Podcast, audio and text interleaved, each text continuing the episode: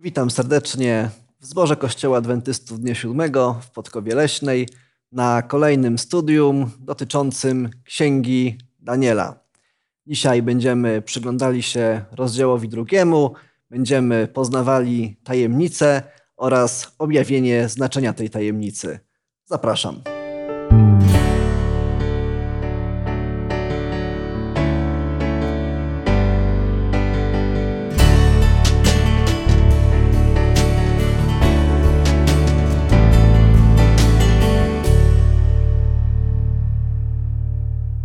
Razem ze mną w studio dzisiaj jest Ola, Krysia i Mateusz.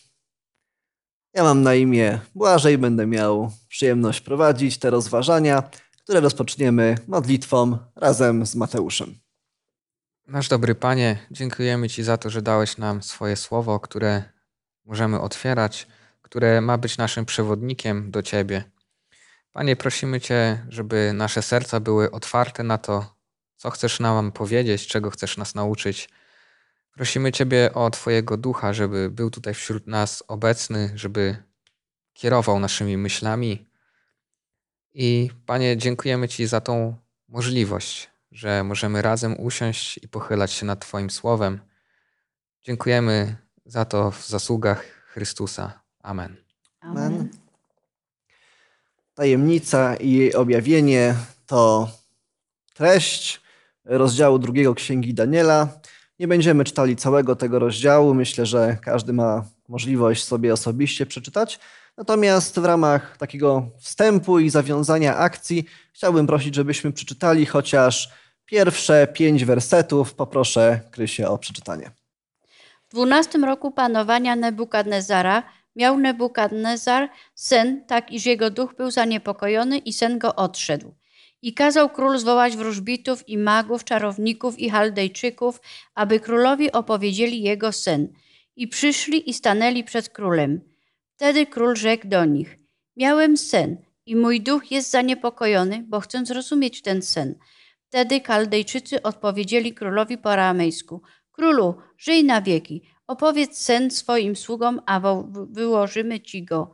A król odpowiedział Chaldejczykom i rzekł: Mój wyrok jest wydany. Jeżeli mi nie opowiecie i nie wyłożycie tego snu, będziecie rozsiekani na kawałki, a wasze domy będą obrócone w kupy gruzu. Dziękuję. I tutaj mniej więcej tak, e, tak brzmi tekst z Biblii Warszawskiej, natomiast w którym roku panowania Nebukadnezara miało to miejsce, Mateusz? No, w moim przekładzie jest to przekład yy, ekumeniczny jest napisane, że to jest w drugim roku swojego panowania. Tak, i tutaj z całym szacunkiem dla tłumaczy Biblii Warszawskiej jest to po prostu błąd, błąd po prostu taki bardzo, bardzo prosty i e, polegający na tym, że faktycznie powinno być w drugim, a nie w dwunastym. No, wszystkie praktycznie tłumaczenia, łącznie z tekstem i, i, i sam tekst or, oryginalny również mówią, że to był raczej rok drugi, rok wtóry panowania, nie, niektóre tłumaczenia mówią.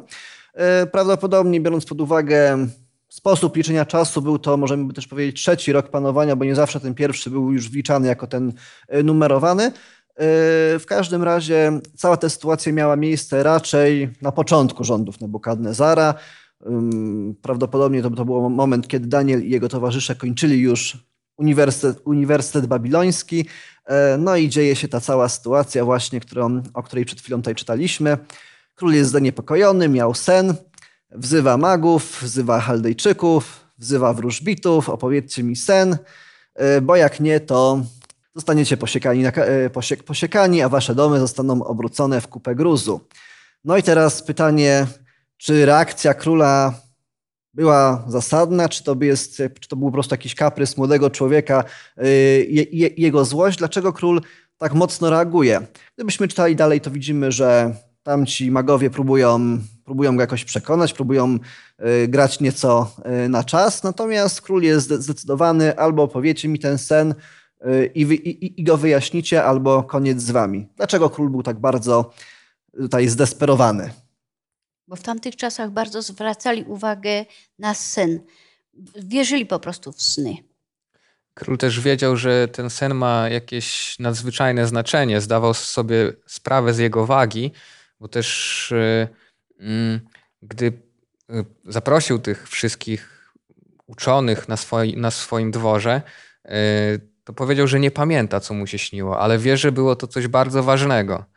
No i Chaldejczycy, czy ci magowie, czy ci uczeni próbowali jakby trochę tak grać na zwłokę i król to zauważył, że oni próbują tutaj grać na zwłokę e, i powiedział, że jeżeli mi nie powiecie, to w tym momencie zostaniecie skazani na śmierć natychmiast. Mm, no, w dzisiejszych czasach może się wydawać to taka reakcja nie na miejscu i niemożliwa do zaakceptowania przez społeczeństwo, ale w tamtych czasach król miał absolutną władzę, mógł zrobić wszystko, co chciał. Był jakby Bogiem też w swoim państwie, więc yy, bardziej można zrozumieć tę reakcję króla patrząc przez pryzmat historii, tego jak wyglądało rządzenie w tamtych czasach, niż patrząc na nasze współczesne.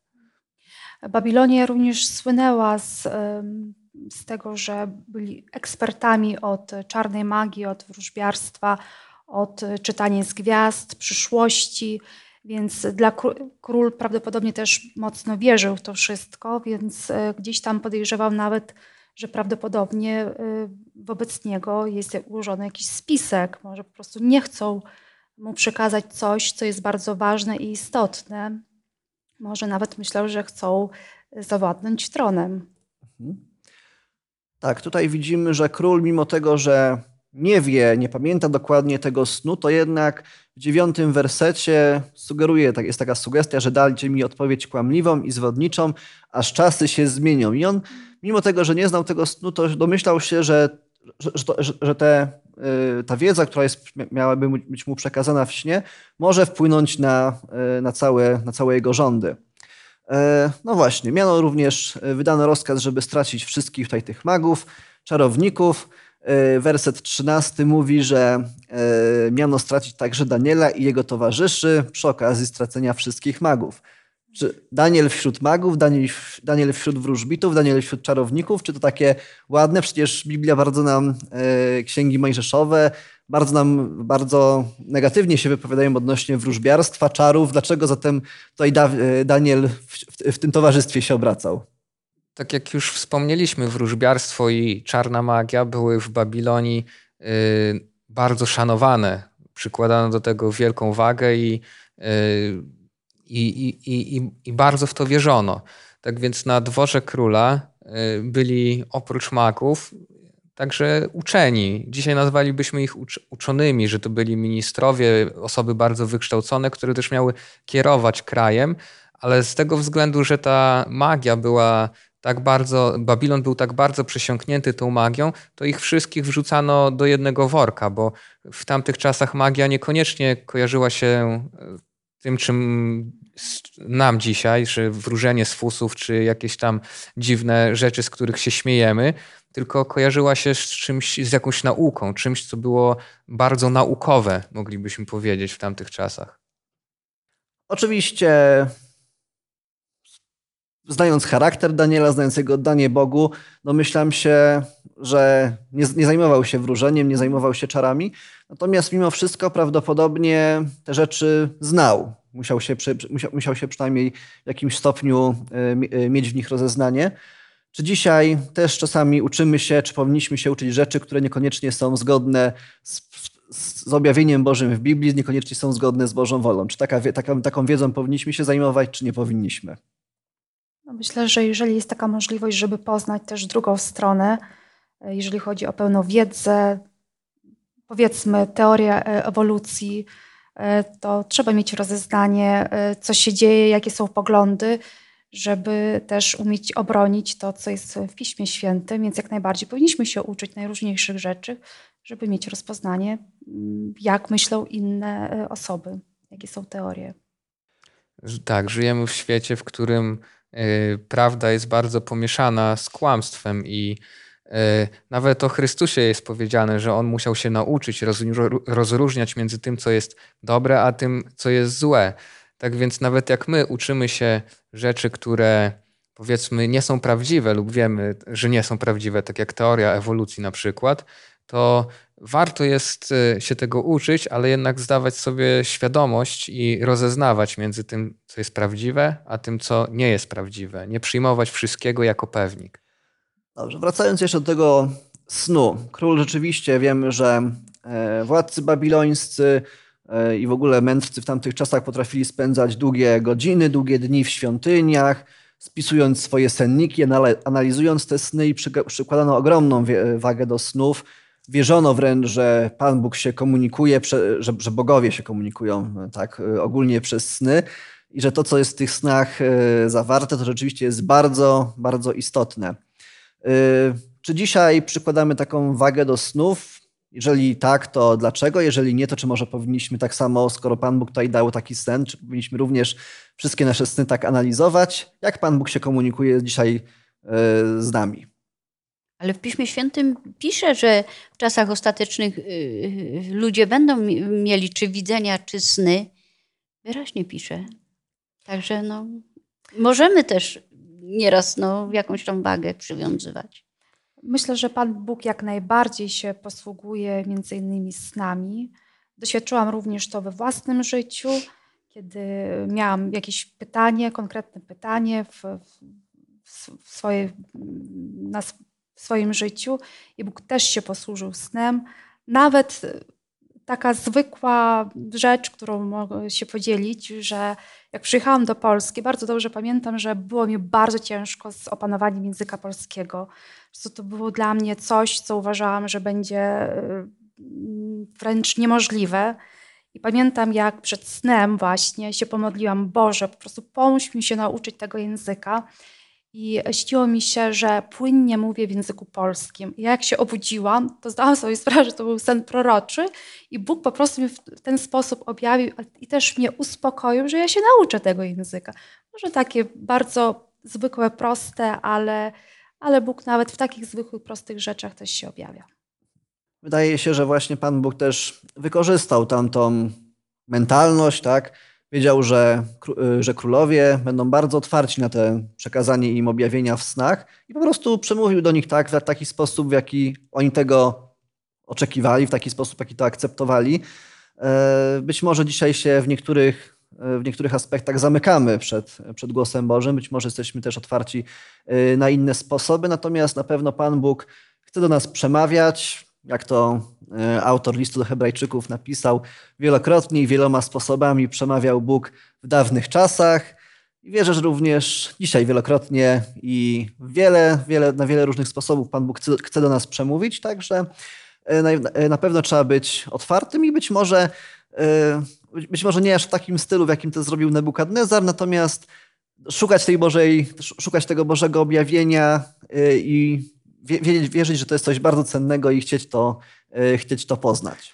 Też chciałbym jeszcze tutaj tak troszkę rozróżnić, bo mimo wszystko w tamtych czasach zupełnie inną wagę przykładano do snów niż dzisiaj, żebyśmy też z każdym snem, który nam się przyśni, nie wczytywali w niego i nie szukali w nim jakieś, jakiegoś przesłania dla nas, dla nas, bo nie zawsze tak mo może być, nie zawsze tak musi być.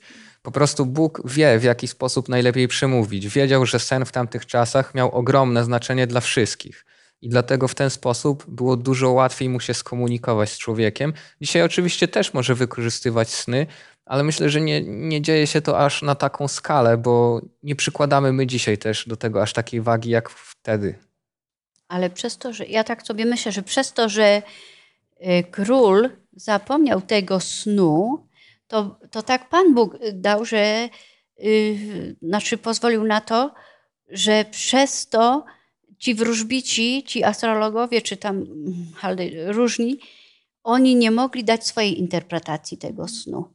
Dlatego y, Bóg, y, jak Daniel się modlił, to Bóg wykorzystał Daniela do tego, że Daniel wytłumaczył ten sen, Bóg mu objawił wszystko i przez to Bóg objawił temu pogańskiemu narodowi swój autorytet, to, że on jest Bogiem, który zna wszystko, wie wszystko, w którego ręku są losy ludzkie.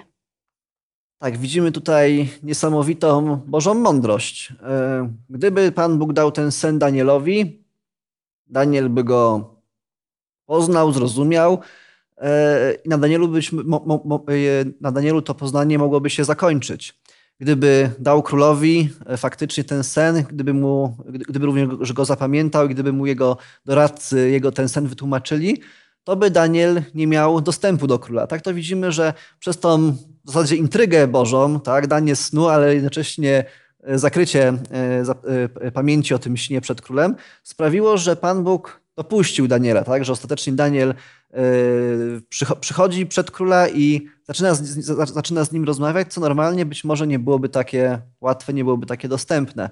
Także widzimy, że w pewien sposób tutaj Pan Bóg się wtrąca w politykę w pewien sensie, tak?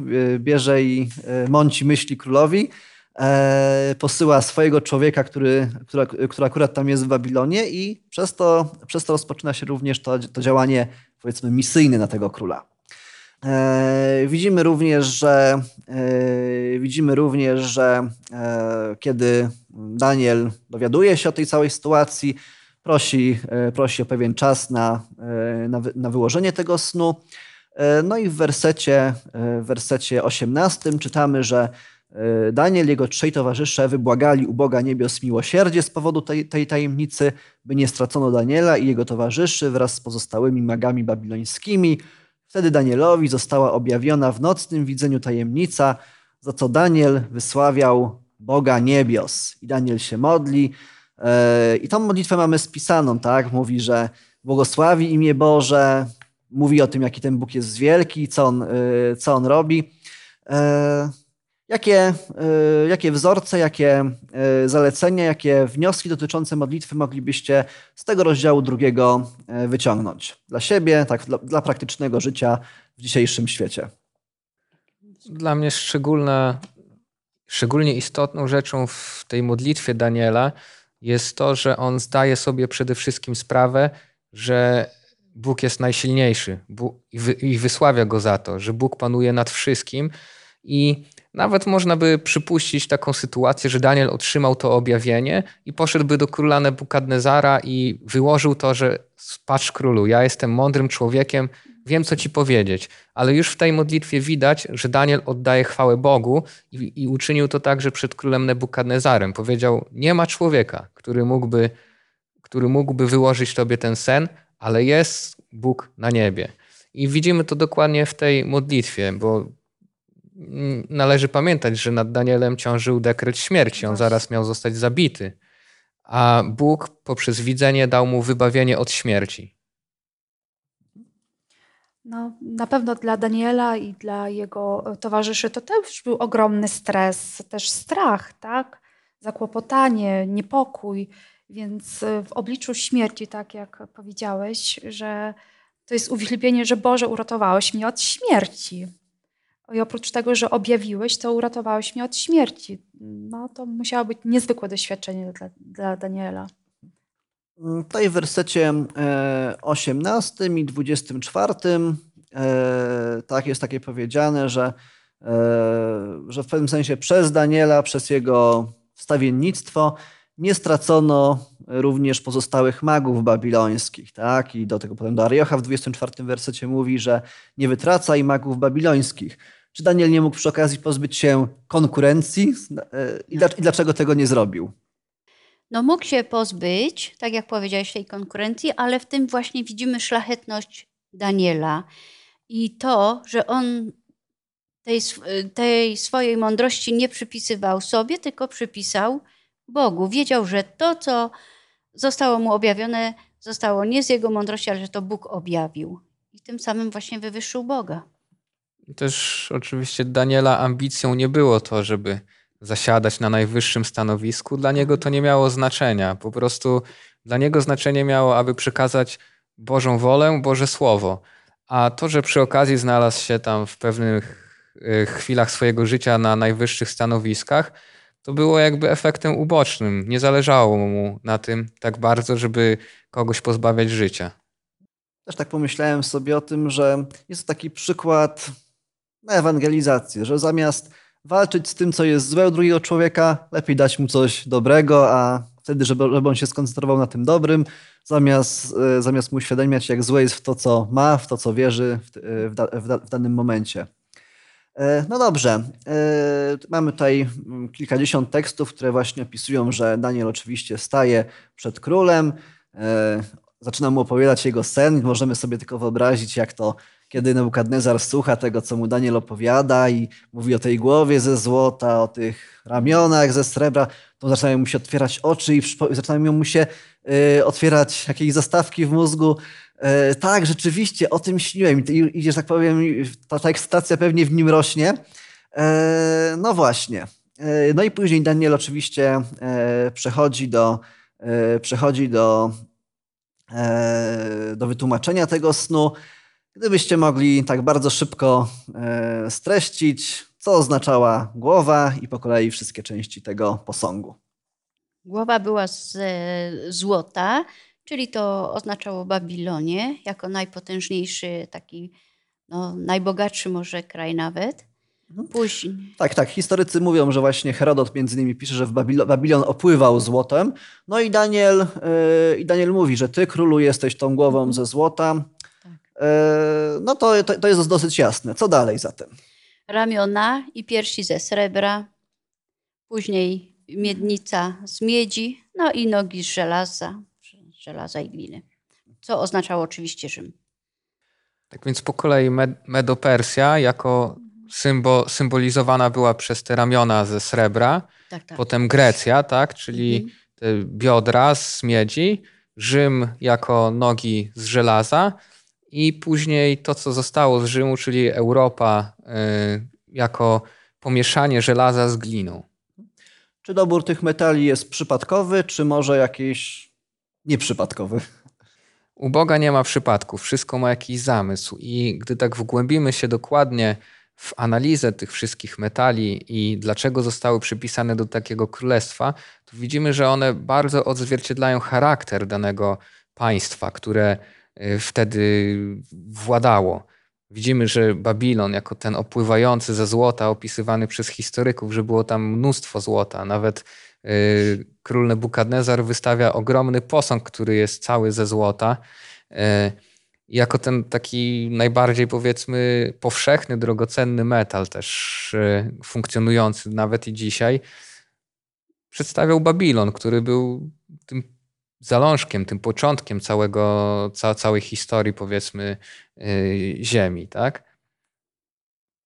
Kolejne metale, srebro. Jako Medopersja wiemy, że w Medopersji yy, jednostką monetarną było srebro i często płacono srebrem. Zbierano podatki w srebrze. Yy, I, i jest, to, jest to też taki metal, który trochę ustępuje tą szlachetnością mm, złotu. I wiemy, że Medo-Persja nie była tak, nie, był, nie, nie, nie, nie była tak doskonała, tak świetnym państwem jak Babilon. No, dlaczego, e, dlaczego, jak, e, dlaczego właśnie do Imperium Macedońskiego, greckiego jest ta, e, ta miedź, ten brąz przypisany?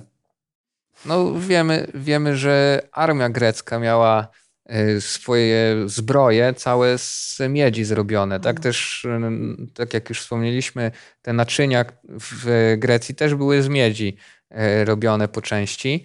I nawet w opisach historyków niektórzy podają, że były takie przepowiednie, że miedziana armia najedzie ich i, i dokładnie to się wypełniło później w podbojach greckich, którzy podbijali świat.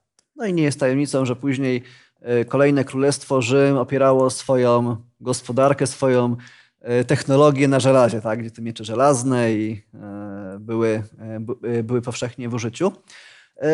Zdaje się, że jest to dosyć proste, tak? patrząc, patrząc po, po historii świata i po tym, jak rozumiemy właśnie, że te, te, ten posąg to były kolejne, kolejne imperia, które były, które, które były kolejno zdobywane, podbijane przez następujące.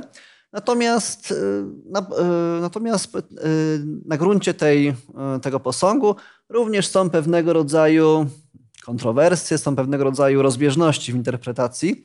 No i na przykład, jeżeli weźmiemy sobie Biblię Tysiąclecia, e, oczywiście te, e, zachęcam, żeby sobie tutaj czytać tekst, e, te, porównywać sobie teksty z różnych przekładów i oczywiście szanuję, e, szanuję tekst Biblii Tysiąclecia, natomiast Mamy tam również pewnego rodzaju komentarze, no i właśnie na, tych, na tym komentarzu chciałbym się tutaj e, skupić.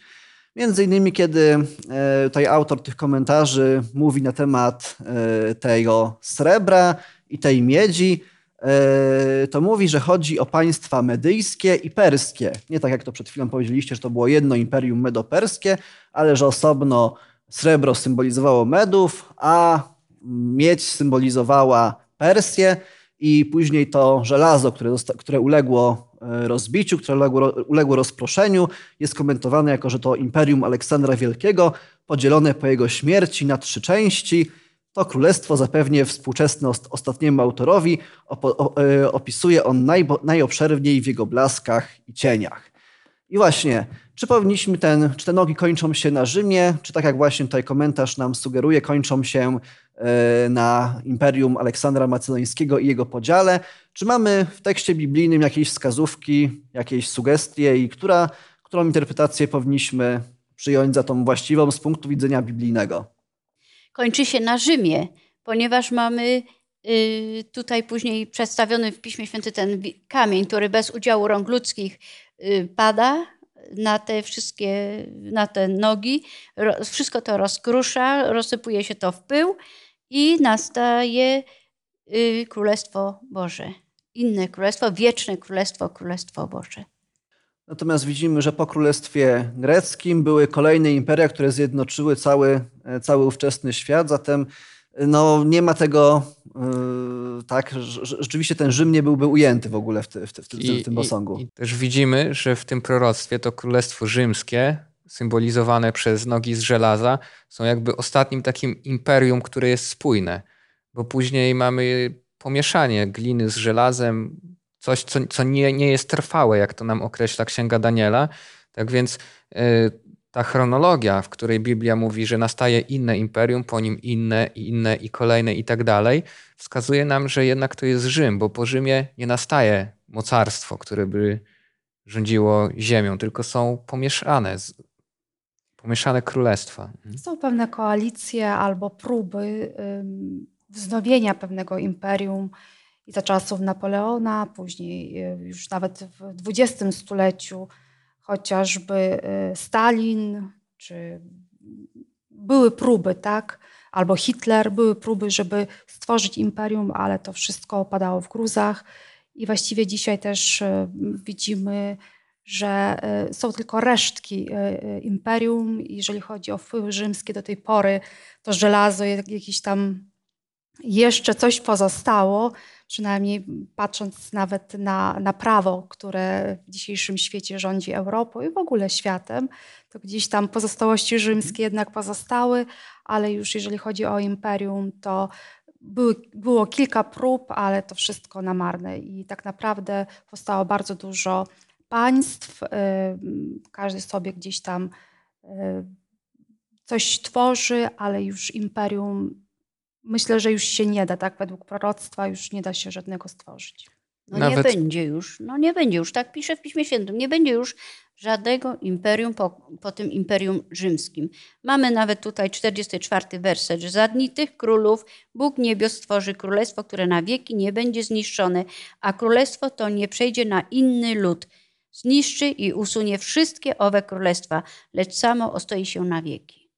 Nawet te próby zjednoczenia widzimy w naszych współczesnych czasach, gdzie powstaje próba zjednoczenia Europy, gdzie powstaje Unia Europejska, która ma zjednoczyć wszystkie kraje, ale widzimy, że jednak te kraje nie do końca dają się tak zjednoczyć w jedno takie wielkie mocarstwo, że jednak mają tam, każdy ma jakiś swój interes e, i, i, i mamy e, naj, najświeższe doniesienia z, z, świata polityki, gdzie mamy Brexit, tak?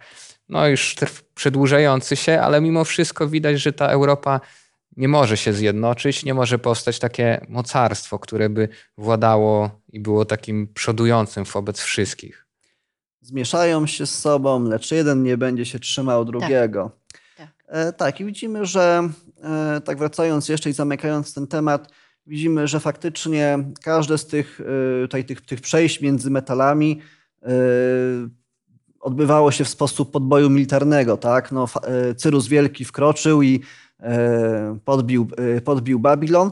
I fakt, powiedzmy w obozie Medopersji były pewne przepychanki i bitwa o władzę, natomiast, natomiast widzimy, że jako takie to, to imperium trwało. I dopiero później właśnie Aleksander Wielki zakończył całe państwo, które trwało powiedzmy tutaj od, y, od, y, od Cyrusa. i dopiero później też Rzym przejął tą, przejął tą hegemonię w Europie. Także faktycznie te metale, kolejne metale, kolejne, kolejne imperia powstawały na skutek podbojów militarnych, a nie były, tutaj nie powinniśmy ich bardziej dzielić. No i właśnie to, co powiedzieliście, że że, że, że widzimy z punktu widzenia historycznego, y, że te znamiona podziału, te znamiona, że się mieszają, ale nie mogą się, się, y, sobie, się trzymać, spełnia dopiero Europa, która powiedzmy od, od czasów średniowiecznych do, do współczesnych, tak rzeczywiście Rzym jako to czwarte imperium musi być, musi być, musi być sklasyfikowane jako właśnie te nogi z żelaza. Tym samym tym samym e, widzimy, że ten kamień, tak, to królestwo, to ostatnie królestwo nie, e, nie powstało za czasów, po czasach, po czasach Aleksandra Wielkiego, ale że jego nadejście, że jego rozrost, że jego panowanie jest dopiero kwestią przyszłości prawdopodobnie. Tak? Co, co wiemy o tym ostatnim królestwie, czego możemy się spodziewać i co jest takiego szczególnego, czym się różni od tych poprzednich królestw, które zostały opisane w tym posągu. W drugim rozdziale, w 40, 45 wersecie czytamy tak. Jak to widziałeś, od góry oderwał się kamień bez udziału rąk, rozbił żelazo i miedź, glinę, srebro i złoto. Wielki Bóg objawił królowi, co potem się stanie. Sen jest prawdziwy, a wykład jego pewny. I y, no, tu właściwie bardzo wyraźnie jest e, powiedziane, że e, oderwał się kamień bez udziału rąk, czyli jakby e, nie ma w tym udziale, w tym oderwaniu tego kamienia człowiek, tak? że człowiek nie będzie nad tym panować, co sugeruje, nam, że to będzie po prostu coś nadnaturalnego, co nie przyjdzie z tego świata. Mhm. No metale to metale i jakieś posągi metalowe tyczą się raczej działalności człowieka, powiedzmy jakieś odlewnictwa, metalurgii, natomiast kamień faktycznie jest taki bardziej nie, nie, nie od człowieka rzeczywiście. Hmm, coś jeszcze wiem, możemy wiedzieć na temat tego kamienia? Jezus Chrystus jest nazwany kamieniem. Węgielnym. I to kamieniem węgielnym. Mhm. Czyli, za, czyli to On ustanowi to ostateczne już królestwo. Już tak, też myślę, że bardzo istotne w tym jest to, że y, ten kamień niszczy cały posąg, bo on uderza w stopy, ale rozlatują się wszystkie te królestwa poprzednie. I e, dzisiaj widzimy, że jednak są jakieś państwa, jest podział, ktoś tutaj rządzi, ktoś gdzieś indziej, ale gdy uderzy kamień w stopy posągu, to żadne państwo, żaden człowiek nie będzie miał władzy, tylko Chrystus będzie miał władzę.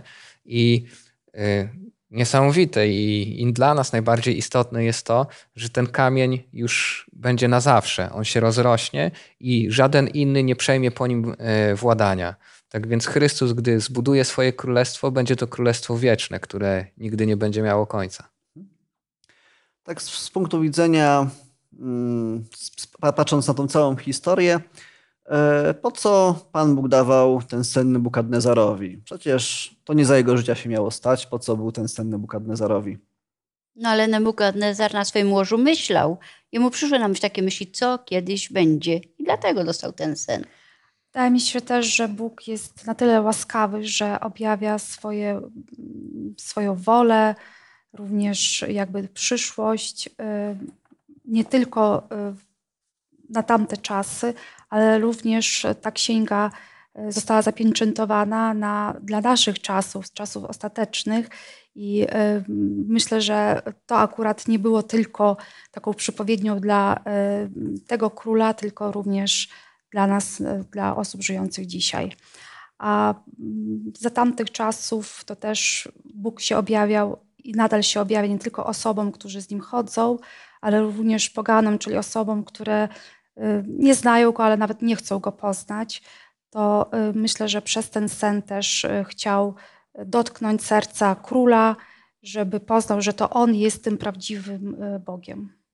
Mhm. Też mamy zapewnienie od Boga, że nie czyni wszechmocny Pan niczego, jeśli tak. nie objawi tego swoim sługom prorokom. I e, Bóg chce, żebyśmy wiedzieli, co się wydarzy. I nawet gdy mówi na przykład w proroctwach o zburzeniu Jerozolimy czy o wydarzeniach czasów końca, to mówi to dlatego, żebyśmy się nie trwożyli. Bo mówi, gdy będziecie widzieli, że to się wszystko dzieje, nie trwóżcie się, ale zwróćcie swoje oczy ku niebu, ku górze. Tak więc przede wszystkim ma to budować naszą wiarę, ma to budować nasze zaufanie do Boga. No i przyciągnąć wie, wielu ludzi do Niego, żeby Mu uwierzyli. Tak, i nic nie dzieje się bez wiedzy Bożej.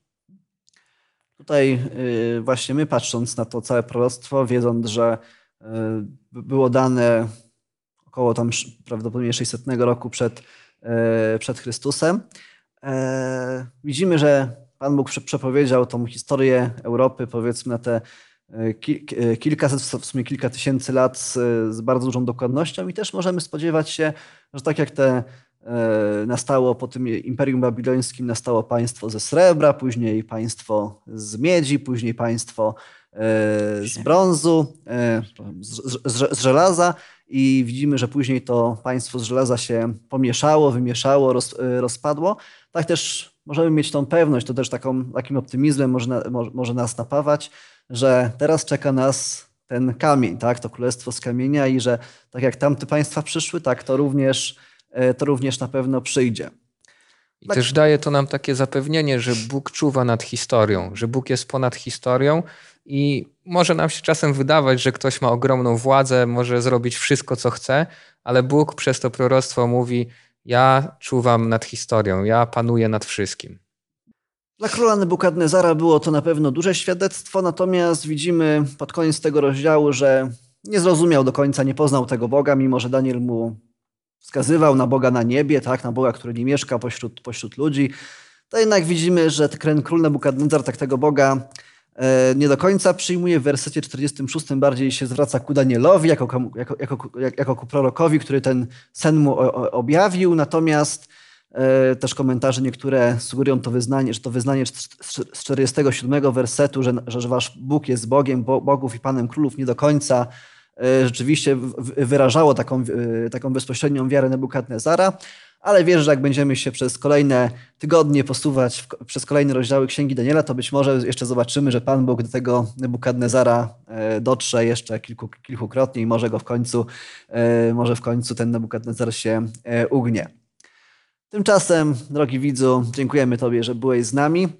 Być może właśnie widzisz swoje być może Twoje życie przypomina ten posąg, być może właśnie tak jak tamte królestwa, swoją siłę, swoją, swoje życie opierasz, tak jak Persja, na e, bogactwie, być może tak jak Rzym, tak jak Babilon, na złocie, na sile. Być może właśnie tego, tego dążysz i o to zabiegasz w swoim życiu, ale właśnie miej świadomość, że to nie na sile, nie na mocy.